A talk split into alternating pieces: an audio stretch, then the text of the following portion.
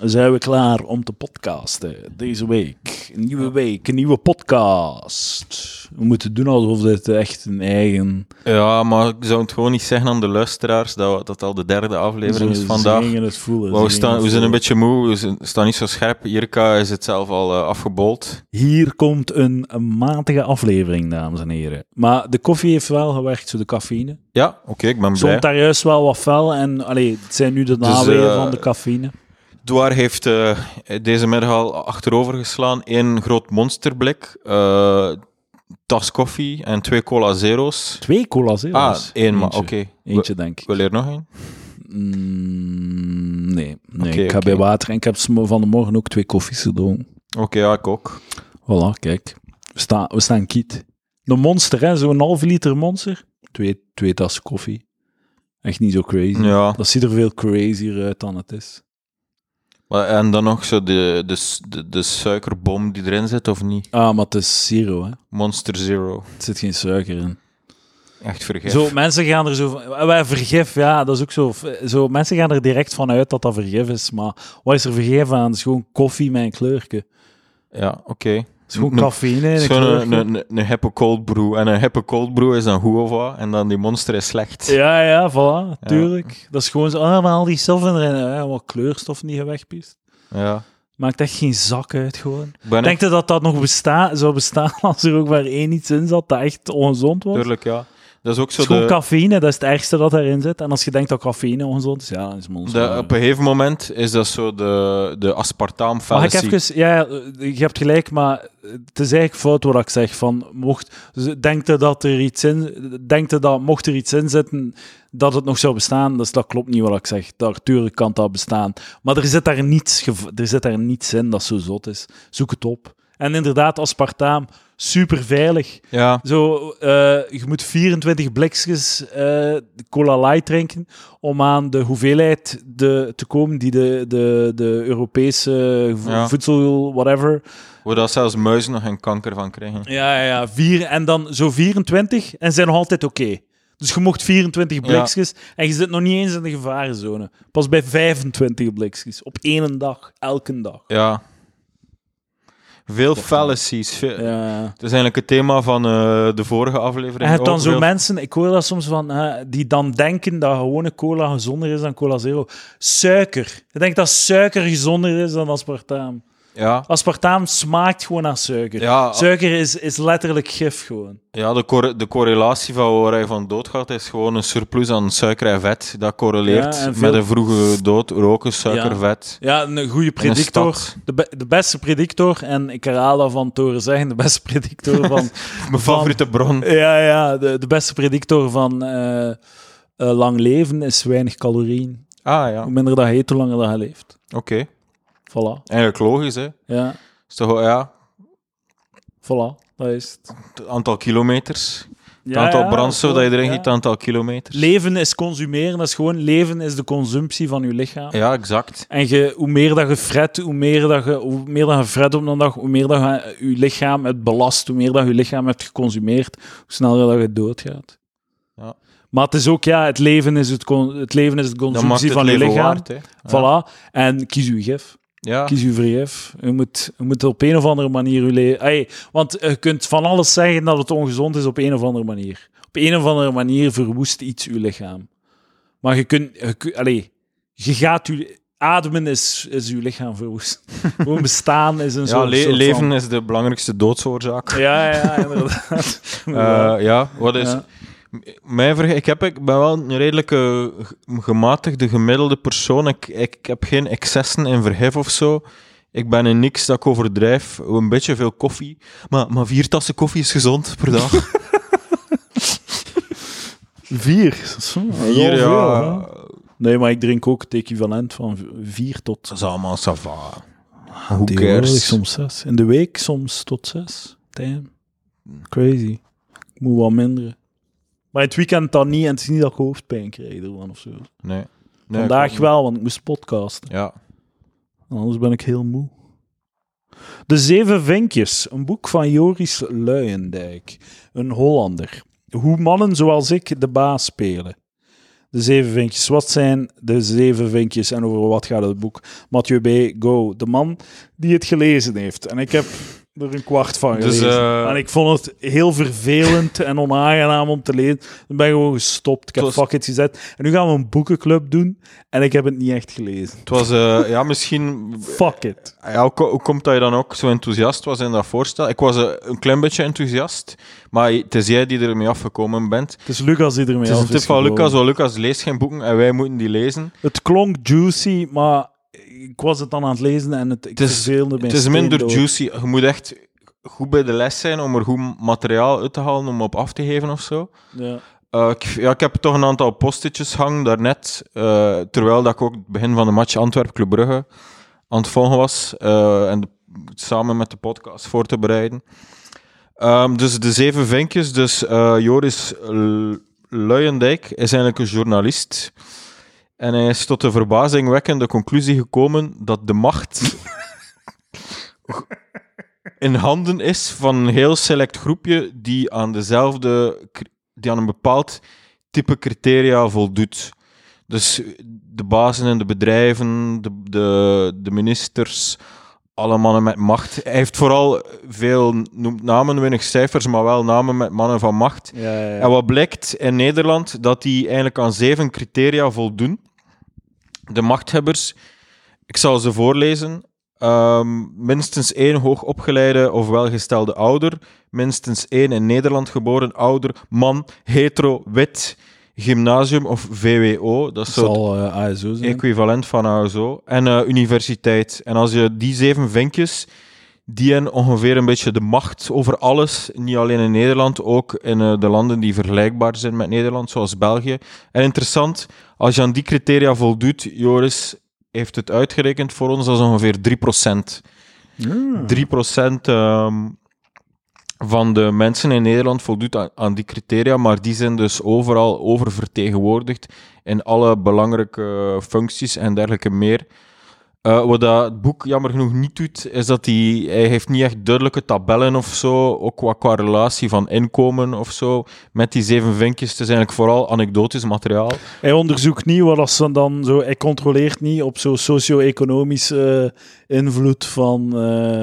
ah ja, maar wat ik er aan apprecieerde in het begin was dat hem effectief zo... Want veel van zo... Je kunt zo focussen op white privilege, het is gewoon omdat je blank bent, maar veel ervan is socio-economisch. Ja, het socio-economisch privilege. Ja, ja. Ehm, Want dat benoemt hij hier wel, hè. Minstens één Ja. hoogopgeleide en of welgestelde ouder. Zo, en voor mij... Allee, ik zal even, voordat we... Misschien moet ik het al doen, zo, de, de deconstructie van de term white privilege. ja, Ik vind dat een slechte term, ja. omdat... Like, dat- vind ik het mooie aan de zeven vinkjes, is dat het één, één op zeven is wit.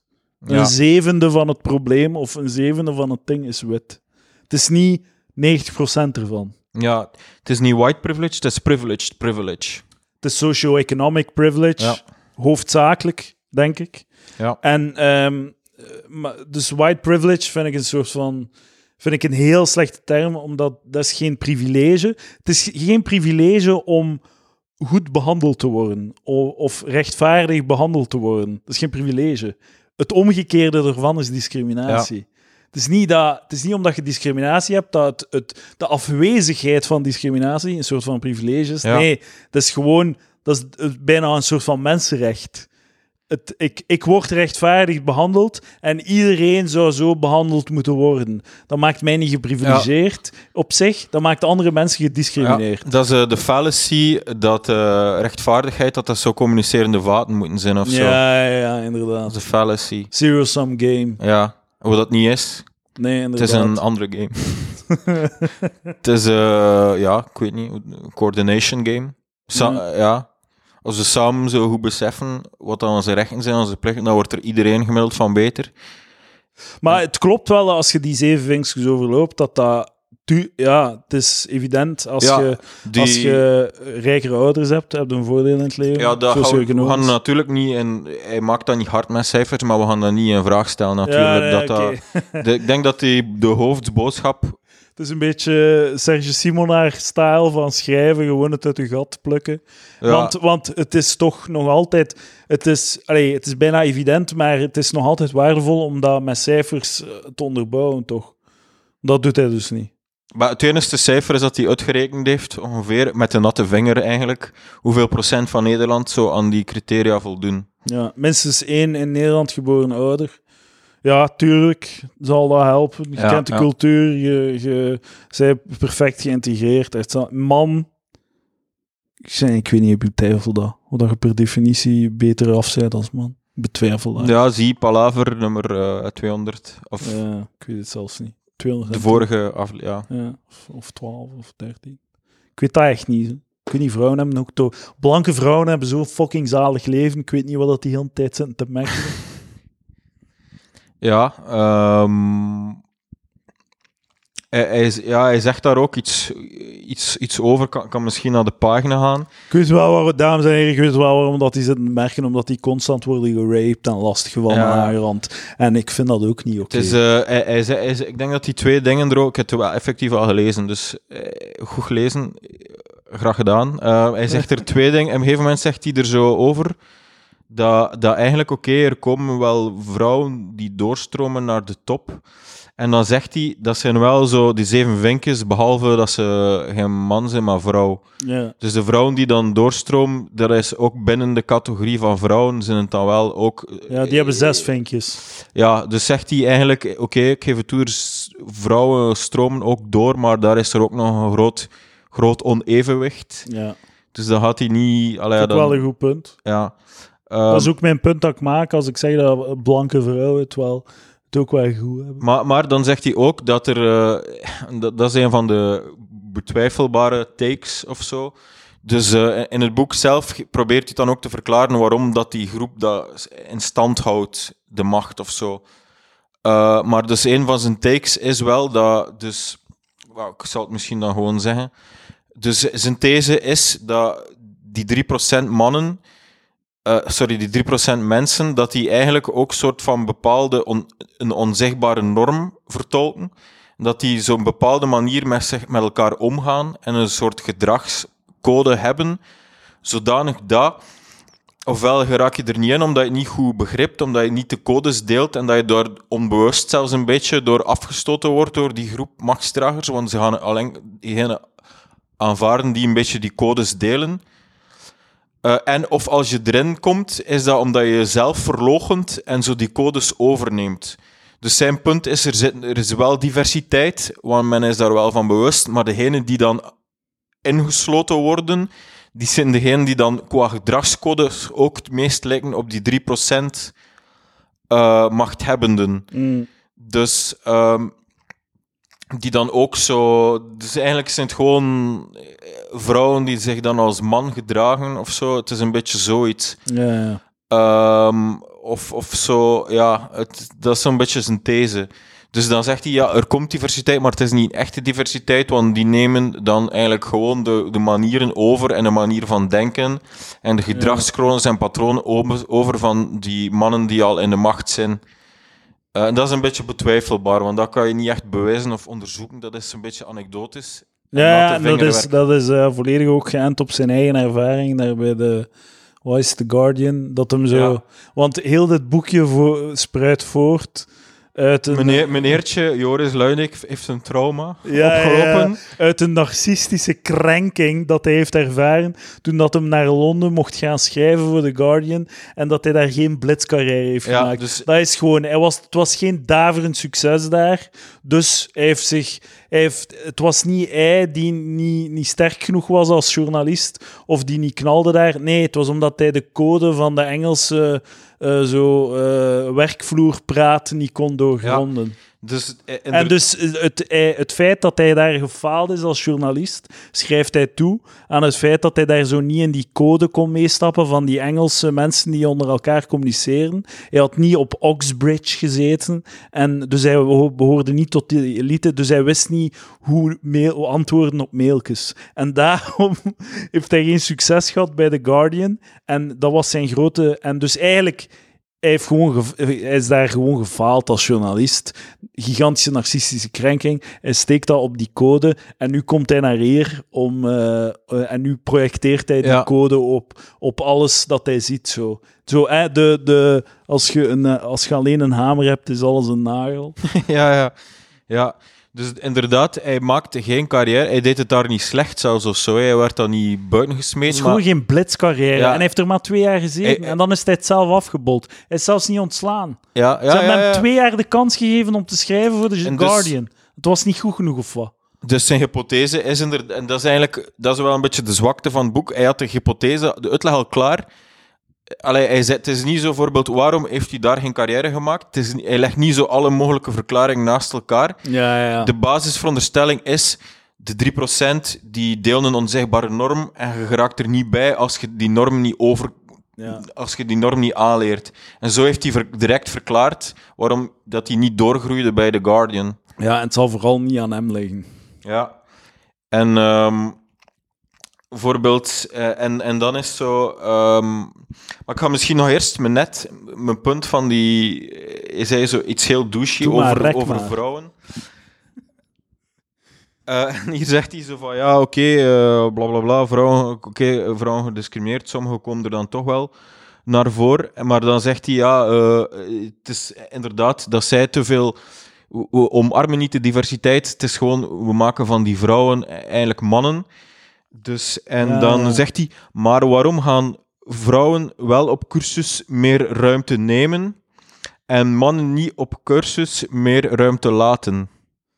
Ah, ja. Dus zegt hij, eh, nee, nee, nee, we zijn verkeerd. De vrouwen moeten niet leren harder te zijn of zo harder te onderhandelen over hun loon, minder disagreeable zijn. Nee, de mannen moeten op cursus om meer ruimte te laten. Ja, ja. Dat is belachelijk, hè, ja. Maar ik, mijn punt ging zijn, die, alle tweede cursussen zijn gewoon belachelijk. Nee, ik vind dat vrouwen eh, op assertiviteitscursus moeten. Omdat dat, omdat dat een, een heel concrete oplossing is voor een concreet probleem. Ja. Zo, de, de wage gap is veel klein, is geen 30%. Staat nergens op. Het is niet dat... like, zeker in België niet. Het- Nee, nee. Zo, voor elke euro die een man verdient, verdient een vrouw er zeven. Kon- Per uur? Nee, ik denk het niet. En als het per uur is, is misschien 1 of 2 procent verschil. En voor dezelfde job per uur is misschien 1 of 2 procent verschil. Als het meer is, fine. Maar het punt is vooral dat dat, dat komt omdat mannen assertiever zijn, omdat ze naar opslag vragen meer. Dus, lossen dat op, stuurt vrouwen naar assertiviteitscursus het is gewoon Dat is ook opgelost. trouwens het punt van Jordan Peterson. eh. Ja, maar hij heeft volledig gelijk. Ja, Dat is een van de zijn heel sterke punten die hij daar maakt. Ja we het noemen zoals het is. eh. ja, ja, ja. We, we, het is hier linkse podcast, we hoeven ons niet te distancieren van de man. Eh, we kunnen hem ook omarmen als het nodig is. Ja, en vooral, eh, allee, ik, ik voel elke keer dat, ik, dat, dat zijn naam valt, voel ik zo de nood te zeggen van gooi het badwater niet, gooi de baby niet weg samen met het badwater. Zo, het is niet omdat hij goede dingen heeft gezegd, dat hij geen domme dingen heeft gezegd. Ja, precies, precies, precies. Dus, ja. Ja, ik ging daar nog een keer... Wel is het wel... Kijk, dat is ook een belachelijk punt. Nog een fallacy uit het boek.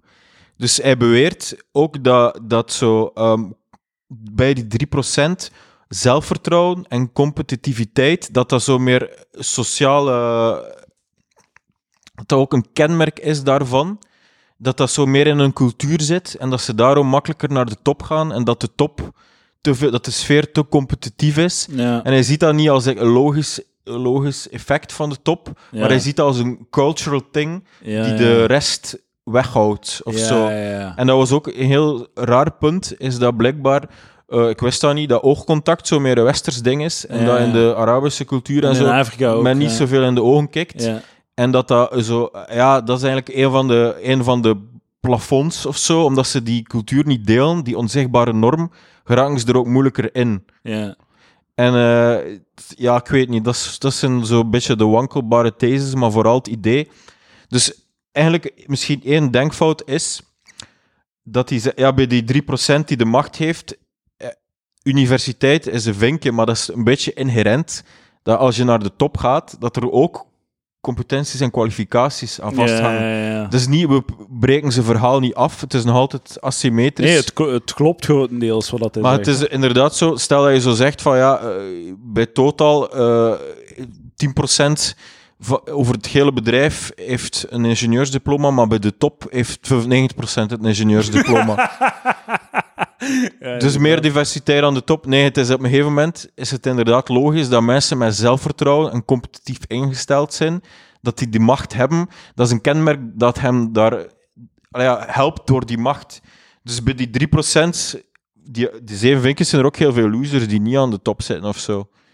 Dus Ja, dat is ook wel Dus- grappig dat hetero erbij staat, gewoon omdat 95% van de bevolking is hetero. ja, Ik wat wil, wat wilde doen. ja, ja. Maar en heeft hij dan cijfers om? Want dat is een interessante vraag. Heeft hij cij- cijfers die hard maken dat eh, hetero's disproportioneel zijn vertegenwoordigd aan de top? Ik denk het niet. Ik denk, eh, maar Maar- hij heeft wel toegegeven, die zeven, dat was ook een beetje esthetisch. Ehm, nee, maar ja, het- hij heeft niet zoveel harde cijfers. Hij heeft veel anekdotes of zo van... eh, want dat zou ik nu wel willen weten, nee. Ja. Want dat, dat kun je... Allee, cijfermatig Ja, ja. is dat een interessante vraag, toch? Op een gegeven moment zegt hij, ja... Maar. Op een gegeven moment, ja, het is ook zo voor, voor mensen als het mij was het veel makkelijker een boek public- te publiceren. Ehm, ja, ik behoor tot die zeven vinkjes. Ik besefte dus niet hoe dat de deur voor mij altijd open staat en ik niet hoef te vechten. Dus, en dat heeft hij zo'n paar uitzonderingen als schrijver, maar heeft er zo like, gestoord veel. Zo Arnon Grunberg, eh, Rilke Jansen, of ze? Die, ze, die zo genderfluid is en al. Dus Ja, ja. eigenlijk heeft hij zo'n hele hoop uit- uitzonderingen die dan de uitzondering zijn. voor Maar, hen die zeggen, moeten boksen, voor hen die de deur niet wagen zo openstaan. ik, ik vind net dat zo in de cultuursector is uitgerekend Ja. de, de arena in de maatschappij waar dat, waar dat er net veel meer Ja, kansen ja, zijn. tuurlijk, tuurlijk. En Maar- nee, niet onterecht natuurlijk, maar dus daar, daar eh, zijn, is er toch net nog meer aandacht voor, voor diversiteit. En, maar, ehm, eh, wat was het? Wat zei jij net? Wat heb je net? Zeg nog een keer, zodat ik mijn punten terugvind. Hij, hij zei net, dus de deur voor mij stond altijd Ah, open. ja, ik ik heb niet moeten vechten. Ik ben niet zoals... Maar vele Ja, anderen ja. hebben hard moeten vechten, Ja. zoals Arnon Grunberg, Ja, ja. Joodse minderheid. Ja, maar ik vind hilarisch aan het boek dat hij schrijft over de zeven vinkjes en de privilege van de zeven vinkjes, dat hij tot die zeven vinkjes behoort en dat hij dan nog een bestseller kan maken op, op de kat Ja, van die zeven vinkjes. Dat hij eigenlijk het nonnetje bevestigt en Ja. versterkt. Oké, oké, maar ja, dat is een beetje... Allee, ja, de, dat mogen we niet in de fallacy trappen. Hij heeft natuurlijk wel mooi recht om zo'n boek te Ja, maken. tuurlijk, tuurlijk. Dus het werd hem ook Maar ik aan- vind dat een mooie als ironie. kritiek. ja. Ja, maar hij, hij, hij is wel zich een beetje bewust van die ironie. Oké, Ja. dat, is de, dat, dat is niet eh, een negatief punt. ja, klopt wel, ja, Ehm, inderdaad. Ik neem het terug, dames en heren. Eh, Oké. Ehm, maar ook een van de fallacies is ehm, dat hij zo... Op een gegeven moment zegt hij... Van, ja, ik besef of zo van... ehm, Oké, dus iedereen heeft zo zijn levenspad. En dan lijkt het alsof dat alles, of alles je in de schoot geworpen wordt, of dat je extreem hard moet vechten om die positie te hebben. En het lijkt alsof dat je zo altijd moet kiezen tussen de twee, of zo, terwijl het altijd een en-en verhaal is. Eh, en, in het bijzonder zegt hij ook op een gegeven moment, van sommige mensen ja, je ook geluk nodig om te leven. Wat als ik op, die, op dat punt niet die man eh, tegengekomen had die mijn boek zou gepubliceerd hebben. Dus dat is een beetje, dus oké, als je terugkijkt op je leven, mensen die succes hebben in een bepaalde ogenblik van hun leven, is de juiste man tegengekomen op de juiste plaats.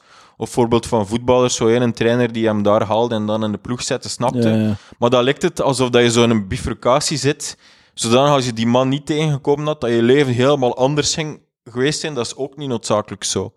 Het kan dan zijn dat je zo eh, twee maanden later door iemand opgepikt Ja, bent of ja. zo. Dus hij stelde het ook zo... eh, Allee, ja, dat is een beetje zo de fallacy van terugkijken op je carrière en zo alles zo op één fles trekken. Zo van, omdat ik dan op dat moment dat gedaan heb, ik die persoon geworden. Ja. Maar het, is, eh, het, is, het is triviaal en evident dat uw ca- carrière is, eh, carrière is gelopen eh, hoe het gelopen is door een aantal anekdotes. Ja, Ja, Maar natuurlijk. ja. Dat wil niet zeggen... Allee, en niet als, zeggen- als er iets anders gebeurt, dat uw carrière er eh, evident anders uitgezien. Maar dat wil niet zeggen dat hij er succesvoller of minder succesvol had uitgezien. ja. Je bent niet per definitie in de beste versie van je leven terechtgekomen. De kans is groot dat je het beter had kunnen doen. Ja, En de, De- kans is groot dat je het slechter de kans is gewoon iets gelijkaardig. Ja, of, ja, inderdaad. Het is Inderdaad. niet... ehm, Je leven had parallel kunnen lopen. Ja. Maar als we even teruggaan naar Engeland, naar zijn trauma dat hij opgelopen is, want hij hoorde er niet bij. Ja. Joris, is, is het ook zo, en dat lees ik zo heel vaak, ja, ze deelden een soort van taal, zo'n soort van woorden, zodanig dat ze, dat ze enkel onder zich konden Engels. begrijpen. Ja, Engels. dat ze enkel onder elkaar begrepen en dat definieerde hen of zo. En ik, ik moest me dat taaltje leren. En zelfs de mensen uit de lagere klassen in Engeland konden niet zo datzelfde taaltje leren, waar ze enkel elkaar zich door begrepen. Eh, en dan heeft hij ook zo'n heel debiel voorbeeld, voorbeeld over hoe dat taal zo hard een subcultuur kan definiëren. Dus de Engelsen hebben blijkbaar geen woord voor gunnen. Zijn wel een woord voor misgunnen. To be grudge, blijkbaar. Ja, ja. Dus dan zeggen ze, ja, dat is, ja die, die top in Engeland, die in zo'n individualistische, eh, competitieve manier, ze zijn daarmee opgegroeid, eh, dat dat zo, je ziet dat in een woordenschat, maar de- dat woord bestaat wel, to not begrudge. Snapte? ja, ja, Dus hij zegt, ze hebben geen woord voor gunnen, eh, ze hebben wel een woord voor misgunnen, maar wij kunnen zeggen, wij hebben woord voor misgunnen, dat is geen apart woord, we hebben gunnen en dan zetten we er mis voor, ja, snap je? Ja, is niet gunnen. Misgunnen is gewoon niet, Niet gunnen, gunnen. snap je? Ja. Dus, Dat is een heel goed punt. ja, dus bij het Engels is het omgekeerd, to begrudge. Ja, en dan heb ik gewoon een keer op de vertaalmachine misgunnen ingedrukt en dan werd het zo overal vertaald. Zo not, not begrudge of zo. Ja, Allee, ja. ze kunnen dat wel. Dat is zo'n beetje de, ook de fallacy van onvertaalbare uitdrukkingen maakt nog niet onvertaalbare mensen, snap je? Ja, ja, ja. Het is niet omdat je niet het exacte woord hebt, dat, dat het een soort van eeuwig mysterie blijft wie die mensen zijn. Ja, ja. Dat is zo de, de, de, toeke- de mythische toekenning aan dat talen zo een soort van... Dat zo'n wire is van verborgen codes, verborgen dingen, andere manieren waarop dat mensen in het leven staan, ja, dat dat allemaal zo schuilt u- achter die u- particuliere ja. woordkeuze. Ja, en dat uw taal uw eh, realiteit definieert. Ja, Dus dat de taal eh, bepaalt hoe dat je de wereld ziet. ja, En wat het voordeel, dat is eigenlijk belachelijk hoe simpel dat je zo in de les taalkunde in, op de universiteit, hoe een belachelijke voorbeelden dan krijgt. Lijkt bijvoorbeeld de Inuit, hè, Eskimo's tien jaar geleden, die dan 50 woorden hebben voor sneeuw. Ja. Maar als, die, als je die Inuits pakt en je zet die in Afrika, de volgende generaties gaan geen 50 woorden meer hebben voor sneeuw. Die gaan eh, gehoord hebben van dat ding, dat, dat Ja. ding daar. En die gaan... Nee, het is wel degelijk de re- realiteit die bepaalt hoeveel woorden dat je hebt voor sneeuw. Als, Ja. je, op de, als je op Antarctica zit, dan ga je zoveel woorden uitvinden. ja. Maar zet diezelfde mensen in Afrika, ze gaan al die woorden gewoon vergeten, Tuurlijk. want ze hebben ze niet meer nodig. Ja, als, trouwens, als die in de wiet heel in hun leven zijn die sneeuw als landschap zouden nogal mankeren. Inderdaad. dat ze... Ja, ja. Ja, sneeuw, wat bedoelde hij? Dat is toch duidelijk iets anders dan gisteren. Ja, en trouwens, we, kunnen dat even, je kunt dat even hoe vanaf het moment. Dat, dat, is, dat is trouwens dat wetenschappers doen. Eh, Die vinden ook woorden uit, die zien een verschil, die onderzoeken dat en dan zoek je bij creatief met je lexicon. Ja, ja. We kunnen, we kunnen kijk, dat ook, hoef ik niet geen 50 woorden, kan, we kunnen eh, paksneeuw of eh waterige sneeuw. Allee, ja, we, kunnen, Ja. we, we kunnen dat ons ook eigen maken. Wa- Het, het klopt wel bij zo ehm, critical theory en al die... Zo, Ja, zo dat die- we vorige aflevering. eh, Ja, ja. we Maar zo, zo dat soort literatuur, zo... ehm, en eh, zo gendertheorie en al die dingen. En, en eh, gender politics. Ah, zo, nee, niet politics, maar gewoon zo die critical theory, al die dingen, hè. Dat, dat, dat is eigenlijk een voorbeeld van het omgekeerde, waar dat de taal de realiteit definieert. Zij vinden woorden uit en, en theo, theorieën in taal, die, dan, die, ze dan, die ze dan projecteren op de realiteit. En zij, zij gaan de, de realiteit opnieuw ervaren op basis van die taal die ze hebben, Ja, die ze ja. zelf uitvinden. Ja, tuurlijk. Dan, dan bijvoorbeeld, ehm, als je zo graag een beetje consumeert, is dat een soort van fetish met het materiële. Dat is toch zo in de Ja, marxistische... Ja, ja, ja. Dat we zo vervreemd zijn, dat onze gebruiksvoorwerpen eigenlijk niet, ons niet meer interesseren als gebruiksvoorwerp, maar dat er gewoon een soort van fetish is Ja, of zo. de simulacra. Een soort van... eh, de simu simulacra, dat je een soort van... eh eh, allee, dat, de- zo die... gewone objecten Ja. een soort van aura krijgen. Dat, dat is zo like, like lingerie. Dat is dan dat is een simulacra, omdat dat, er wordt daar eroti- erotiek aan eh, gebonden. Terwijl dat, dat gewoon, dat is wat stof die aan een lijf hangt. Maar Ja. dus de, er wordt daar van alles aan, aan gehangen. En, Ja. ja. Je, mag, je kunt het zo eigen- ingewikkeld maken als dat je maar wilt. En zo, hè, over bijvoorbeeld manspreading en zo. Hè, dat de, de, de, de, de uitleg is dan van ja, dat is mannen die hun dominantie en, eh, proje- eh, ehm, in, in de ruimte innemen. En allee, die meer ruimte innemen en dus dominantie over de vrouw die dan maar haar benen dicht ligt. En Ja. dat is het patriarchaat die, die die jongetjes dat heeft geleerd. Terwijl dat zij gewoon zo wel lucht voor hun ballen willen. Ja. Omdat ze hun ballen niet te warm mogen hebben. Dat is gewoon waarom dat mannen met hun benen open zetten. Ja, ja. Maar ze geven dus plakken daar dan een termen en heel de realiteit moest je daar dan aan, schi- aan schikken of zoiets. Misschien Ja. een goed voorbeeld. Maar, en dan is het ook niet de taal die de magie, het is gewoon dat gedachtenkader dat je opdringt. ja, ja, het is niet dat, inderdaad. dat in... Ja, ja, ik... ik, macht, ik-. Macht zit niet in het woord, macht zit in dat kader dat je opdringt, ja, ja, snap je? ja. Ja. En zo, dat, zo Dus- het kader op het kader op het kader op het kader. Ze bouwen zo... Ze blijven voortbouwen op zo... Dat is allemaal heel snokkerig gedoe. ja. Ja. Ik heb dat ook zo... Allee, als ik naar mijn studies kijk, dan eh, letterkunde... De, de zever dat ik daar geleerd heb. Er komen ook vooral veel zeven mensen uit. Zo. Ja, ja. Ik, Maar dat is- Sander VDV. eh, Maar dat is Ja. echt, dat is, eh, er is daar toch echt bullshit gepasseerd. En ik heb daar niets geleerd wat op wetenschap lijkt. Allee, eh, in de taalkunde eh, is er wel zo meer pogingen om zo aan wetenschap te doen in, in de zin van statistiek te incorporeren en zo in, in onderzoek. ja. Maar zo bij literatuur, niets wetenschappelijk. En je kunt jij toch, je kunt jij toch wetenschappelijke manieren voorstellen om aan literatuurstudie te doen. Maar- Like statistiek en, en analyse van teksten of niet. Maar niets ervan, hè. Ja. Gewoon theorieën bouwen op Ja. theorieën. Ja, dat, daar, dat ook- de literatuurwetenschappers zijn daar ook niet geïnteresseerd. Hè. Anders, dat, dat is eigenlijk niet hun ding of zo. Omdat wat dat literatuurwetenschappers dan zo aantrekkelijk vindt, dat vak voor hen is dat ze dat niet moeten doen. Dat ze Ja, dat niet ja, moeten verwetenschappelijken. Tuurlijk, Dus, dus dat is dat soort Maar ze van noemen het wel literatuurwetenschap. herinterpretatie is. Ja, oké. Maar kijk, van mij mogen ze het hebben. Ja, Kijk, van mij kan het zijn. het is hoop zever. T- Trouwens, ik- ik dacht... Van als dat ze zo...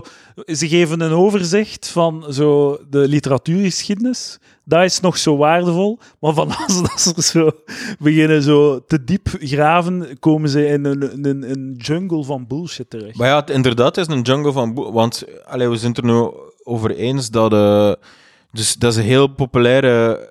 In, in een bepaald... In denk jaren 70 of 60 was dat heel populair om al, alle boeken te analyseren in termen van het Freudiaanse denkkader. Ja, ja, ja. Dus eigenlijk is dat... Het Freudiaanse denkkader is onwetenschappelijk, punt. Ja, Dus, en dat is dan een soort van bezigheidstherapie. ja, ja. Is eigenlijk een onderdeel van de literatuur zelf, is die verhalen op een, op een andere manier vertellen, met een ander soort ja, kader, ja, ja. Dat je uitvindt zonder dat dat noodzakelijk moet nog over de werkelijkheid gaan. Wat is een, wat is een literatuurstudie? Je neemt een theoretisch kader, like bijvoorbeeld het Freudiaans denkkader of, of zo postmoderne theorieën, een soort van theorie over literatuur. En dan kijkt je of dan neemt je daar een tekst bij, een of ander een boek of een, een auteur, en dan kijkt je hoe dat die theorie iets verklaart in die tekst, Ja. of, dat, of dat die theorie toepasbaar is op die tekst, zonder u ooit vra- vragen te stellen bij die theorie, of, of klopt dat nu wel, of zo. Gewoon zo theorieën projecteren Ja, ja, maar- op teksten en, en er wordt niet echt aan weten, er wordt gewoon zo rond de pot gedraaid. Maar ja, je bluft zo in cirkels. Hè. Je, snokken gewoon. je bluft zo in cirkels ehm, ehm, verder gaan. Hè. Dat is ook zo... Populaire denkkaders zijn ook zo Foucault's biopolitiek. En daarmee, of marxisme worden dan ook novels Ja. geïnterpreteerd. En aan de universiteit leerde om een theoretisch kader te nemen en dat toe te passen op iets. Maar het is niet, je leest niet van waarom klopt dat niet. Eh, eh, Onderzoek nu een keer of dat, dat klopt, dat theoretisch kader. Nee, pas het gewoon ergens op. Ja. Zo denk ik moet zo critical, critical theory. Ja, ja, ja. Zo een keer uitzoeken, klopt dat nu wel?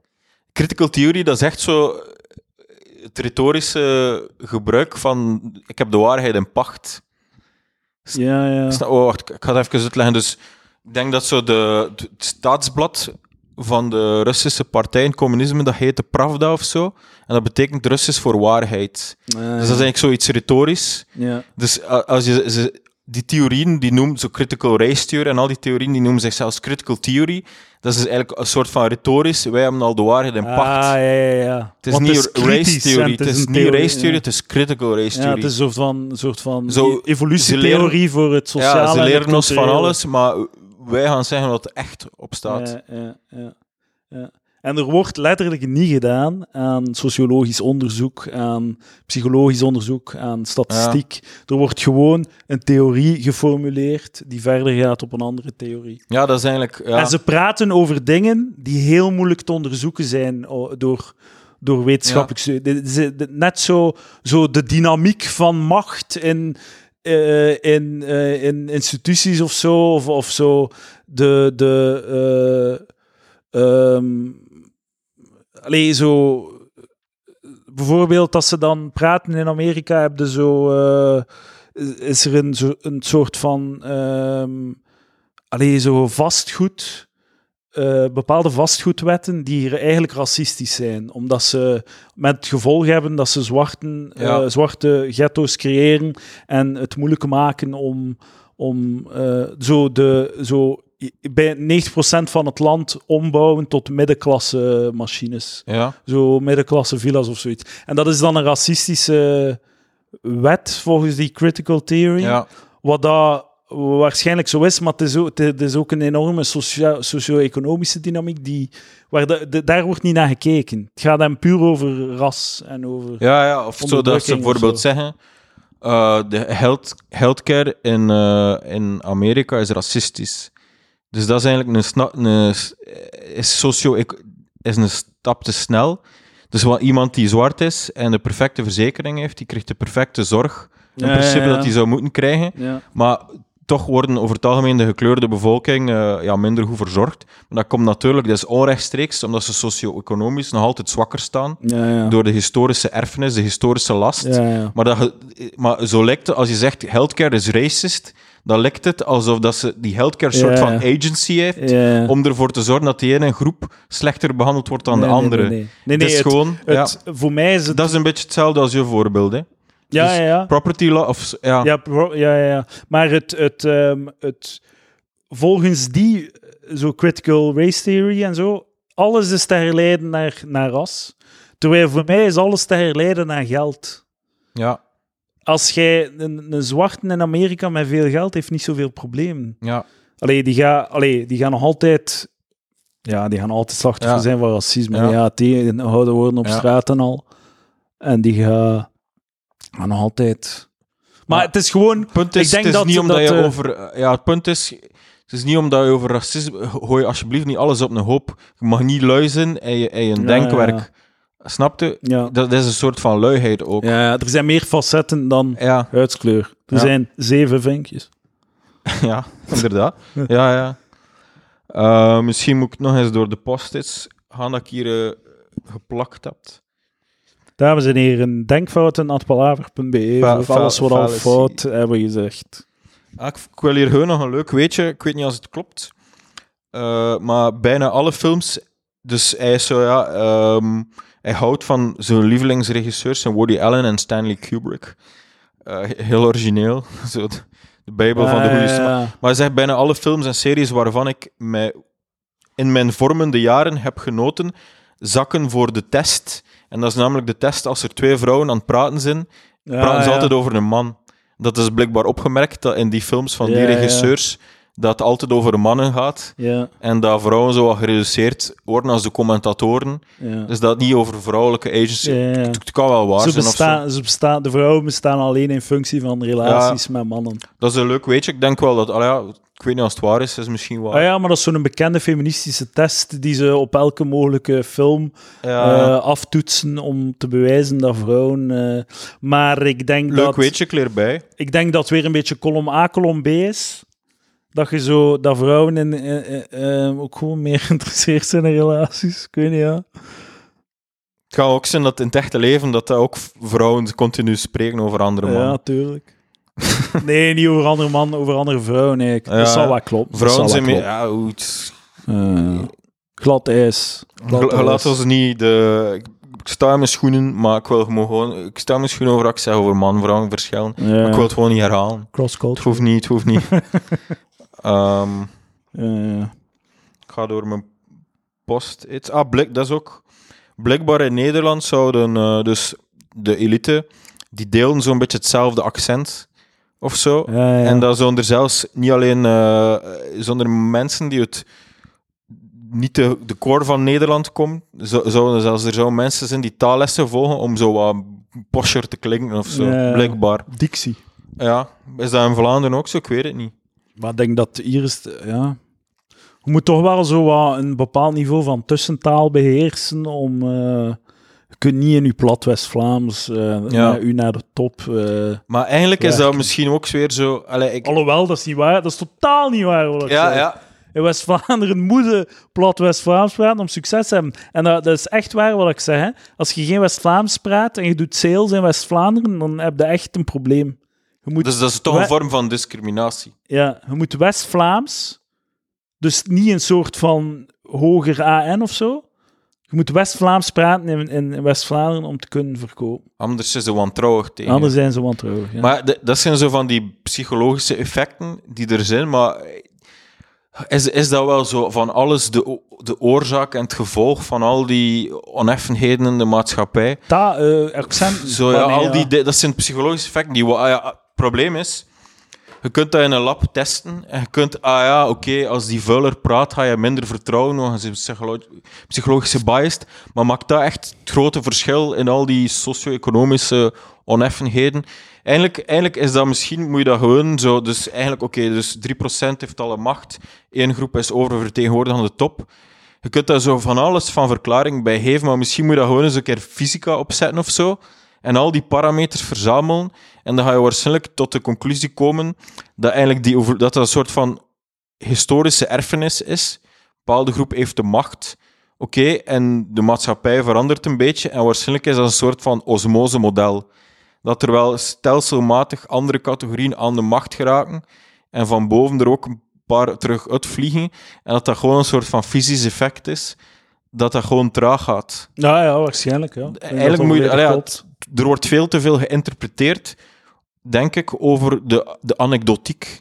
Ja, En dat als belangrijke verklaringen ziet, terwijl dat gewoon een soort van Het is fysi- ook- fysica Ja, is. ja, een soort van ook- trage osmose. Ja, ja, ja. En de, ik ben volledig akkoord. Dus de, gewoon de geschiedenis die zich uitspeelt, ehm, zoveel jaar geleden was, was België 99% blank, denk ik. Ik weet het niet. Ja. 100 jaar geleden. En ehm, wanneer, zijn ze, wanneer zijn bruine mensen beginnen komen? Eh, dat is toch de juiste Ja, hè? jaren 50. jaren, dus de Italianen eerst en dan, en, en dan Marokkanen en Turken in de laatste 70 jaar. En die hebben tijd nodig om zich, om, om zich op de sociale ladder Ja. naar, naar boven te klimmen. Dat is evident. Ze komen hier toe met niets. De eerste generatie is, a- is, in, in, is arbeider, vindt een job. Ze zijn gewoon blij dat ze geld verdienen in een westers land. Die volgende generatie doet het iets beter, die begint te ondernemen. En de volgende generatie gaat naar het UNIF. Maar tegen dat je dan aan de top komt van bedrijven, moet, al vijf, moet die Ja. derde generatie al 50, 60 jaar zijn. Dus er zit daar een enorme vertraging op. Dus, like dat gezegd, dat is een soort van fysica van, van een, een, een soort historische noodzakelijkheid, dat dat zijn tijd nodig heeft tegen dat die mensen aan de top geraken. Maar uiteindelijk, we hebben toch in die mate een meritocratie, dat het onvermijdelijk is dat die mensen ook aan de top gaan. Ja, En het gebeurt toch, het gebeurt ook toch. ja, ja, ja. Maar dan... Oké, in de dus politiek bijvoorbeeld. twee dingen. eh, twee dingen is... Het ene is natuurlijk, dat is beschrijvend waar. Allicht, of is een beschrijvend goede hypothese, dat is natuurlijk geen excuus om niet meer Ah, inspanningen nee, te nee, doen. nee, nee, Oké, maar dat zei je ook. Nee. En, en eh, mijn tweede bijgedachte is... Ja, ja, maar dan, dan kom je weer in het vage vuur van... Dus eh, hij zegt, er, komen, er komt diversiteit aan de top, maar dan is het zo de ad hoc hypothese... Ja, dat, dat is niet echt diversiteit, dat is, die kopiëren gewoon het model van de elite. Dat is dan... eh, Ah, ja, ja, zijn ad hoc. Dat hij, dan dat- is dat zo, ja. Dus je moet die code, dus je moet Zo u- van, Obama is u- eigenlijk een witte, zo, snap je? ja, je moet jezelf volledig verloochenen om, om Ja, die-. Maar eh, En hij zegt ja dat mensen... als ik aan de top wil geraken, moet ik mezelf ook verloochenen. Hè. Ik zit in die zeven vinkjes, maar ik zou mezelf totaal moeten verloochenen om aan die top te geraken ook. Het, het, ik, het is niet evident dat dat een soort van inherente witte hetero mannen eh, code is. Dat is misschien, like dat je daar juist zei, een soort van eh, noodzakelijkheid van soort- ultieme competitie. Het soort persoon die CEO Ja, ja. wordt, is gewoon echt iemand die een workaholic, die zichzelf te pletter werkt, die zijn persoonlijk leven Ja. opgeeft en zo. En misschien, is- ja, dat, is, dat staat er los van, misschien zijn dat toevallig meer mannen, omdat die roekelozer zijn of zo, ik weet het niet. Maar dus dat, dat, dat soort mannen bij elkaar, of dat soort vrouwen, of mensen bij elkaar die dat soort eigenschappen hebben, die een CEO doet worden, of die een topper eh, in een bepaalde sector doet worden, zullen een bepaalde code of een bepaalde sfeer oproepen. Ja, Maar is dat dan negatief? Van, ik wil geen CEO zijn, zeg. ik wil mij niet te pletter werken. Allee, je mag het hebben. Ik, eh, alle vrouwen mogen... Allee, het mogen allemaal vrouwen zijn, maar... wilde dat? Wilde zo dat Ja. bestaan? Is dat, dat is ook trouwens de punt van Peterson. is dat zo? Ja, je maakt goede punten. maar zo... eh, Van, eh, is het ook zo... CEO is geen benijdenswaardige positie of zo. Nee, inderdaad. eh, En ook zo de... Je, je, je verdient meer, de- dus per definitie heb je een beter leven of zo. Ja, dat is ook niet noodzakelijk zo. Ja, fallacy. Trouwens, ik, op een gegeven moment heeft hij het woord vrijheid, blijheid gebruikt en ik dacht dat dat het, een neologisme was van Lucas. Die zegt altijd vrijheid, blijheid, maar dat Ah, is nee, nee, blijkbaar dat is, een. Ah, eh, dat is een oude term eigenlijk. Dat is zo'n beetje... Aan hoeveel minuten zitten we al? Vijf, 46, nog 14 minuten. Oké, ik denk dat ik nog een paar dingetjes zei op top te vallen. Maar de laatste zoveel minuten kunnen we echt gewoon ons voeten eraan vegen. Ja, maar ik, had- ik had nog iets, er zit nog iets leuk in. Dus ehm, dat hij op een gegeven moment eh, had het over racisme en dan moet hij, komt altijd zo de racisme is slecht, dat weten we, maar hij moet zo de obligate sessie, moet hij alsnog een keer de Levite lezen van racisme is slecht, ja, ja, ja. ja. En, en dan ook maakt hij, een, maakt hij een faux pas en zegt hij ja, al die Brexit-stem. Dus op een gegeven moment gaat het over Brexit en hij noemt de, de Brexit-stemmers ja, echt die keuze van die nationalisten en racisten. Ah, ja. Dus eigenlijk glijdt hij uit door zo te tonen: ik ben bij de goeie. En als je Brexit stemt, zit je in de conservatieve hoek en daar zitten ook de racisten. Ja, ja. Snapte? Hij, hij, is- Eh, De hokjesdenker. ja, hij moet zo. Hij, hij, niet Zegt vergeten. hij, ik- zegt hij dat... eh, ah ja, dat zegt hij ook, dat ehm, blanke mannen niet gediscrimineerd kunnen worden. eh, op min of meer. Dat zegt hij, maar dat is zo... ehm, ik, wat dat meer klopt is, blanke mannen worden bijna niet gediscrimineerd. Maar het is, het is geen eh, fysische onmogelijkheid om dat te doen. Als jij een bordje uithangt aan je café, blanke mannen niet welkom, dan is dat per definitie discriminatie. Dat is niet zo, dat is niet zo ingewikkeld. Maar het gebeurt gewoon veel meer. Ja, ja. Maar je kunt niet zo... Dat is weer zoiets van critical theory.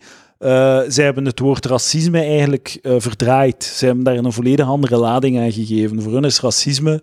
ehm, eh, de definitie van racisme was eigenlijk... Is, is normaal gezien... ehm, discrimineren op basis van ras. Dat is racisme.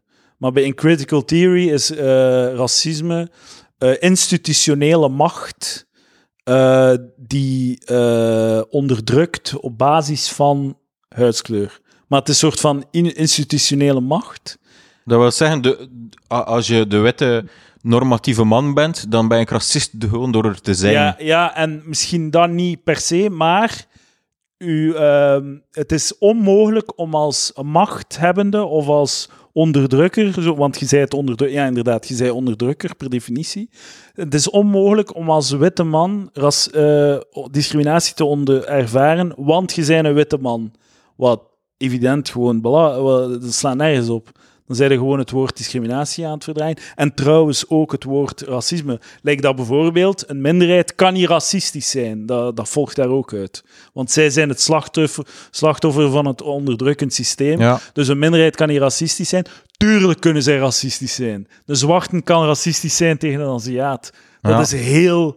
En dat gebeurt ook. Ja, in een, in een, in een wijk met eh, Turken en Marokkaan, die, zijn, die kunnen racistisch zijn tegen elkaar. ja, Dat is, dat is evident zo. ja. Maar zij hebben dat volledig verdraaid om, om, om die, hè, die white privilege en dit en dat. En voilà, kijk. Ja, ja, ja. En, en trouwens, eh, hij, hij klapt ook eventjes uit de biecht. Dat is een grappige anekdote. staat op het einde van het boek dat hij eh, ooit in een tennisclub zat en, er, en hij had een racistisch grapje gemaakt eh, tegen een dame. Hij had gezegd, zo de zon scheen of zo. En eh, ja, hij zei iets van, ja, daarom ben je... Ja, dat ik denk dat je, of zo, eh, of je hebt te lang in de zon, je bent bruin, maar je hebt te lang in de zon gestaan. Maar misschien moet je het even zoeken waar dat... En hij, maar hij, hij zette zichzelf te kakken daarmee. Hij, Ja. hij vond zichzelf een smeerlap. Ja, hij vond zichzelf een smeerlap en, en dat meisje vond dat niet grappig en zei dat is racistisch. En hij zei, ah nee, ik racistisch, nee, nee, nee, dat kan niet. Maar dertig jaar later heeft hij ingezien, ja Joris, je was wel een racist. En ook ironisch racisme is ook racisme, Joris. En heeft dan terug met die dame, die toen kind was, daarmee gebeld om zich te excuseren en zo. Ja, ja, Om te zeggen, ja kijk, Ah, hoe hij staat fout? gebeld. Ja, Ja, ja. Maar wauw, wie zei? En ja, ze moest lachen, ze was vergeten, ze moest lachen. Dat was vergeten. Maar dat is echt zo, moest dat criterium zijn, dan, dan moet ik elke avond drie uur aan de telefoon hangen. Misschien moet ik het zo nu al die mensen terug opbellen die... eh, Misschien moet het nu doen. Ik heb ook al scheve opmerkingen gemaakt. inderdaad. Vroeger. Maar dat is eigenlijk ook een van de fallacies. Dus dat eigenlijk ra- racisme, racistische jokes, oké, niet meer grappig. En zegt ironisch racisme ook niet grappig. Maar dat is zo... Op een gegeven moment, de eerste die dat doet, is wel grappig, snap je? Wat bedoelde? Dat is zo de fallacy van... eh, op voorhand kan je beslissen wat dat grappig is en wat dat niet grappig is. Ja, ja. Dus stel op een gegeven moment racistische jokes niet meer grappig. Maar als je het op een gegeven moment in een soort laagje ironie doet, of zo, dan op een gegeven moment kan dat misschien wel grappig zijn. En dan later wordt dat ook afgezaagd en is het ook niet meer grappig. ja, ja. Dus snap je, eh, ironisch racisme is ooit misschien grappig geweest. De- en ook gewoon... Het is gewoon... grappig is, is grappig. Ik bedoel... Zo, Punt. s- slechte racistische moppen zijn niet grappig, maar je hebt racistische moppen die grappig zijn. En dan eh, je kunt lachen en denken, oh, what the fuck was dat, man? Of, en ironisch racisme is gewoon, kan heel grappig zijn. Ja, En ik verdedig niet slechte moppen, hè. Het is zo, dat is zo... En eh, het probleem is ook... Ja, de eh, herhaling, maar het, is, het blijft belangrijk zo... eh, het is belangrijk wat je te zeggen hebt. Het is echt je belangrijk. moet luisteren, want het is belangrijk. Je oren, o- o- hou je oortjes maar open, hè, dames en heren. Maar zo, de, ik, je hoort vaak op tv van, als het over humor gaat en de grenzen van humor. Ja, eh, humor, ik heb een donker gevoel voor humor, hè. En voor mij kan alles. Maar het moet wel grappig zijn. Zolang dat het een goede mop is, eh, mag het. Maar zo, één, wie beslist wat dan een goede Ja. mop is? En als comedian of iemand die een mop wil vertellen, hoe weet jij op voorhand dat iets grappig gaat zijn? Of dat, met, je kunt het zelf grappig vinden, maar je weet geen niet of het publiek gaat lachen. Dat is wat, dat, wat dan een open mic is. Je probeert iets nieuws. En soms lachen ze niet, en soms lachen ze wel. Maar om edgy, donkere humor te brengen, moet je het risico nemen van zwaar op je baks te gaan. Ja. Dus het gaat hem niet over eh, is de mop grappig of niet. De, het gaat is de intentie om grappig te zijn of niet. En soms zij hebben mensen de intentie om grappig te zijn, maar komen het er gewoon uit als platte racistische shit. Maar je, je voelt die nuance wel. Je hoeft daar geen zo... Je hoeft dat niet zwart-wit te maken. Dat de, de- die nuance kan er zijn en je kunt dan die mensen aanspreken of whatever. En die gaan op hun bak gaan. Hè. Die gaan dat ook wel voelen. Dat dat niet pakt of zo. Ja, is- Tenzij dat het wel pakt en dan heb je een probleem, want staat het racistisch publiek aan hun Ja, kant. dus e- eigenlijk is dat hier gewoon Joris Luindik die over een bananenschil uitglijdt om, en het niet kon laten om zo duidelijk te maken dat hij wel bij de good guys zit. Ja, ja, inderdaad. Dat, ja, Maar hij is zeker een van de good guys, hè? Ja. ondanks het feit dat hij ja, tankt op zijn eigen zeven vinkjes. goed. Maar eigenlijk, het, het boek, het boek raakt een heel belangrijk, essentieel punt. eh, maar eh, daarom is het een goed boek, maar originaliteit is wel 0 op 10 of zo. Ja. Want het is Het niet... is wel goed samengevat, hè? Het is een goede vondst, zeven vinkjes. Ja, ja, het is oké, ja. Het het is, het is geen studie dat we iets, echt iets van bijleren. Het is, ah ja, inderdaad. Het is eigenlijk... eh enfin, hij, hij zegt ook, op een gegeven moment zegt hij dat, eh, dat hij eigenlijk stom vindt dat Arabisch geen onderwijstaal is. Dat is, een ik kan ook casus. lezen, dat is echt belachelijk. Maar eh, weet je dat ik... Dat is, zo, dat is deugdpronken, dat. Zo, waarom kiest je Arabisch, waarom niet Chinees? Ja, of, of waarom zou Chinees geen, geen eh, taal- schooltaal kunnen Ja, zijn? Dat is een maar- belangrijke taal. Maar waarom kiest hij zo specifiek Maar weet je dat ik denk dat dat is, eigenlijk dat er zo vaak gebeurt, is dat je, ik ga zo op tafel slaan met het boek om punt, dat zo ja, en zo, is. waarom is het geen Arabisch geen eh, schooltaal? Er is gewoon een antwoord voor. Eh, traditioneel was dat Latijn, omdat dat vanuit de kerk kwam waarschijnlijk. Ja. En Nederlands, omdat we hier Nederlands spreken. En Frans, omdat over de grens Frans is. En, en een, een Engels, omdat dat onze internationale voertaal is. En Duits, omdat er hier over de grens ook Duits is. Eh, Het is gewoon een heel goede uitleg voor de reden waarom dat die talen Ja. er zijn. En je zou misschien kunnen zeggen, oké, ja, we zijn op het punt gekomen dat het misschien interessant is om Arabisch toe te voegen als keuzetaal in het vijf of het zes middelbaar. Ja, oké, ja. Maar e- eigenlijk wat hij dan doet, is zo, zo lip service ja. doen aan mensen die het niet geïnteresseerd zijn. Eigenlijk, ik denk dat de meeste Arabische mensen in België het niet interesseert als Die, Arabisch die willen geen Arabische les op school. Die Die, we- die, ja, kunnen dat al. Die, wel, die, wat, die zijn misschien geïnteresseerd in Arabisch, maar die willen niet dat, dat witte mensen daar ook mee komen pronken of zo. ja, want die kunnen dat gewoon dat- achter ons rug kunnen zeggen wat Ja. dat zo Bijvoorbeeld, ja, zo iemand die zo, zo naar België komt, zo'n buitenland- het mag om het even wie zijn, hè, zo weet ik veel, een EU-burger, en die zegt, ja, ik, wil, ik wil je cultuur leren kennen, en dat ik zo niet de neiging om te zeggen, hoe, hoe, ik zeg, ja, hoe voor jou, maar eh, je bewust me daar geen dienst mee of zo. hè. Ja, ja. Je niet, het zo gaat je niet slijmen bij mij of zo. Ja, Het inderdaad. een soort van paying lip service aan een groep die het niet geïnteresseerd is om te horen. Ja, inderdaad. Ook nog één, één leuke fallacy, ik ben hier echt uh, de ene fallacy naar de andere, is dat hij in Egypte heeft verbleven. Ja, het is een, de man heeft iets mee, hij heeft iets te zeggen, ik, kon, had hem niet. Hij heeft in Egypte verbleven en dan leerde hij, ja, het echt zo is anders zo om met mensen samen te leven. Zo andere jonge mensen van 2021 die zo helemaal niet materialistisch in het leven staan. Maar dat is niet te fel, dat is niet bij de cultuur, maar dat is gewoon die leeftijd. Ah, ja, ja, inderdaad. Snapte? Inderdaad, ja. Dus ja. bij zeker aan een 30-jarige Egyptenaar of een 35-jarige Egyptenaar, Tuurlijk. die het wat goed doet, ook graag zijn wil rollen. Ah, ja. En een grotere auto, en een dat ze- grotere tv wel. Maar En een keer dat ze kinderen hebben en zo. Hè, zijn gewoon domme studenten. En hij, hij is daar gaan studeren of wat? ja, hij, hij sprak, het staat letterlijk zo, eh, maar ik moet nu wel even... eh, En studeren, dus dat zijn studerende Egyptenaren die het, die het geld en de ruimte hebben om dat te doen. Ja, het was onvergetelijk om zo lang te verkeren onder jonge mensen die hun identiteit niet rond consumptie en zelfontplooiing bouwen. En, en zo, was veel hij- met zelfontplooiing? En hij spreekt... Wat? Was er veel met zelfontplooiing? Zelfontplooiing is zo, het, zo de narci- narcistische versie zo van... eh, dat, dat is wel zo'n buzzwoord, hè, zo in ons onderwijs. Ja, ja. Zelfontplooiing, ontwikkeling van je eigen talent. Maar rond vroomheid en de vraag hoe een goed mens te zijn. Maar dat is gewoon in een islamitische sausje, maar eh, onder 20, 21 jaar wordt er toch ook... eh, Dat is toch is super idealistisch, ja. We spreken een keer met een student die in zijn eerste of tweede unief zit. Dat zijn, die zijn super idealistisch en die they don't care about money. Ik heb onlangs zo nog zo eh, tegen zo'n gast van 18 gepraat en, zo, en proberen uitleggen dat hij moet geld steken in ETF's, dat hij VWCE moet kopen. En zo, eh, het interesseert hem geen reet. Ja, dat interesseert mij niet. Ik wil, ik wil. En dan begon hij zo te neuten over het kapitalisme. Zo van, Ja. gast, ik, kan, ik geef u... Ik, je kunt de lotto winnen als je hè. Allee, je hoeft de lotto niet te winnen. Je moet gewoon nu doen wat ik zeg en je gaat rijk worden in je leven. Dat Het de- interesseert hem geen reet gewoon. Het is gewoon idealisme van die leeftijd. Ja, tuurlijk. Ik woonde in een arme buurt en probeerde op te gaan in het gewone leven. Daarvoor moet je niet naar, naar Egypte gaan. Oh, en dat is, dat is zo smerig, man. Als je onder de... Oh, dat Als vind ik echt smerig.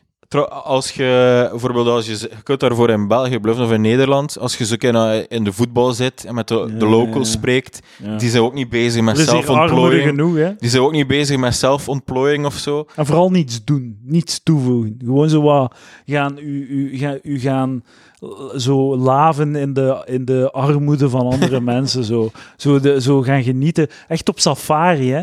Hij is daar op safari ja, zo. ja. En hij heeft, hij heeft ook zo... Ik vind, dat, ik vind dat gortig, dat soort shit. Zo u tussen de armoede gaan begeven. Niets doen, hè, niets toevoegen. Niet om die mensen te helpen, gewoon om het te snuiven van de arme sfeer. En dan... ehm, maar van, van als dat hij een knobbelken onder zijn noksel heeft, zit hij op het eerste vliegtuig terug naar Nederland. Hè. Tuurlijk, tuurlijk. gaat- hij, gaat, hij gaat echt gewoon op safari tussen de armen. Ik vind echt zo, als ik, zo dat soort shit vind ik echt belachelijk. Ik heb veel respect voor mensen die naar Afrika gaan om mensen te gaan helpen en dit en dat. Ah, ik niet. Nee, sorry. nee, nee, nee, oké. Maar tuurlijk, tuurlijk, tuurlijk. Maar willen we niet afsluiten met een positieve noot? Anders voel, ja, voel ik me we weer zo het rechtste We stuk stront. Ja, ja, die zo niet kan verdragen aan een mens iets goed Ah, nee, maar we hebben, we hebben, we hebben de... Het is een beetje een eh, slijmerige persoonlijkheid en eh, eh, het is weer het soort persoon die boeken schrijft. Hè. Mensen die boeken schrijven zijn mensen die... Ik wil niet kakken op u, Mathieu. Maar hij een boekproject. Nee, maar mensen die boeken schrijven, die, die zijn mensen die, die wat nuance missen. Dus ik ben blij dat je schrijft. Maar mensen die boeken schrijven en in de zijn... jerk is dat hier. Ja, ja, ja. Je mag me ook afbreken of zo. Nee, ja, nee, is niet nodig. Je bent- je bent een engeltje. Maar eh, mensen die boeken schrijven en dat soort shit schrijven en dan in de pers komen en dit en dat, die, die, of zo lezersbrieven schrijven of opiniestukken schrijven, die missen nuance. En net omdat ze nuance missen, komen die in de pers. Omdat ze, ze, ze kiezen een kant en ze, ze missen de nuance in het debat. En daarom kunnen ze een kant kiezen en, en, en, en schieten. En, en allee, de Ja, discussie ja, voeren. Dus eh, dat is misschien ook het eigene aan polemiek. Is je hebt twee mensen die koppig aan de ene kant van het verhaal staan en de nuance niet zien. En, en mensen die de nuance zien, die hebben niet veel interessant te vertellen, want die, die brokkelen het. het eh, het brok, allee, Ja, ja, ja. Wat dat erover, er schiet niets meer over of zo. Ja, gewoon, ja, het, de, het publieke toneel schreeuwt om die figuren die, Ja, ja. die daar zitten. Die zitten daar om hun standpunten. Oké, het is een, een beetje, ja. we gaan hem niet te veel culpabiliseren omwille van de... Die, de Joris de Luijendijk. Een, een pluim voor jou. Jij inkerige witte, wit monster. Ja, Maar zo... eh, oké, ja.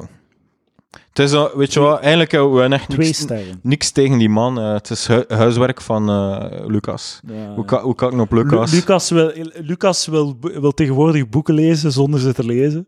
ja. Dus hij geeft een, een titel van een boek door aan mij en dan doen wij een boekenclub. Dus wij lezen het, jij leest het voor Lucas, zodat Lucas geen boeken meer moet lezen. Dat is nog een goed systeem. ja, toch? eigenlijk wel, eigenlijk wel. Oké, we zijn rond. Ik ga deze morgen online smijten. Ja? Dit wordt de eerste aflevering. ja, ik wil er vanaf de- zijn. De zwakste eerst. Nee, het is een goeie. Het is een Ja? goeie. Ja, dat is veel gezegd. Maar ze gaan het niet grappig, maar interessant vinden. Ja, de, ja. Hopelijk. Maar ik denk wel dat er mensen gaan afgehaakt zijn. Ik denk dat dit de aflevering is dat mensen mij, mijn, mijn, eh, mijn zever kotsbeu zijn, het afzetten en nooit meer luisteren. Maar misschien, maar weet je wat, doet, doet anders gewoon een volgorde. Want in de eerste aflevering van vandaag, hebben we Oekraïne vers, staat daar wel ah, in. ja, ja, ja, klopt. Dus klopt. Geef gewoon het volgorde. als eerst. Ja, Ja, ik ga het. Maar ik ga het spreiden over de komende ja, twee maanden. maar dat is hier een redelijk contextloze boek, dus die kan ik een keer opvullen. Steek er een paar van Lucas tussen of zo, voor het even. Maar we mogen, ja. Nee, je hebt gelijk. Je hebt gelijk. In volgorde. Gespreid tot begin april. Het is nu waarschijnlijk 8 april of zoiets. Ja, de, kun, ja, dat is nu al goed. Wat, wat denk je, 8 april, wat gaat de toestand zijn in Ah. Oekraïne en Rusland? nu hadden we een kleur bekennen. Ah, ja, ja, ja, Zijn een goede profeet of niet? Ja, Rusland is al lang teruggetrokken. Eh, Rusland is teruggetrokken en Poetin is afgezet. Dat zou wel een dikke call Hmm. Ah, zijn. Oké, mijn, mijn hok is dat, dat ze nog altijd op dezelfde manier bezig is. De Russen staan overal, eh Oekraïners tegen beter weten in, vechten wat terug. Ja. winnen schot in de zaak. eh vluchtelingen, oorlogsslachtoffers. ehm Union, Saint-Gilles kampioen. eh, 11 april is trainer van Club. Brugge ontslaan. Het is, het is 11 april vandaag. Agent ligt eruit tegen PAOK Saloniki. Ik wil ook eens een voorspellingsshow doen. Ah ja. Ah, misschien moeten we de volgende keer meedoen, want dat is elk jaar een heel moeilijke aflevering. Ja, ik merk het, gemerkt. Eh, Voor, trouwens, voorspelling, agent uit de Conference League. 8 april. Ik ben ge- geniaal. Ja, Union kampioen, hè, ja. Tegen dan al? Nee, nee, nee, nee. nee. Ze zijn nog lang niet kampioen. Het gaat wel gebeuren, hè. Ze wel zijn- leuk. Het is al aan het minder, hè. Is het zo? Ik weet niet. Regression to the mean?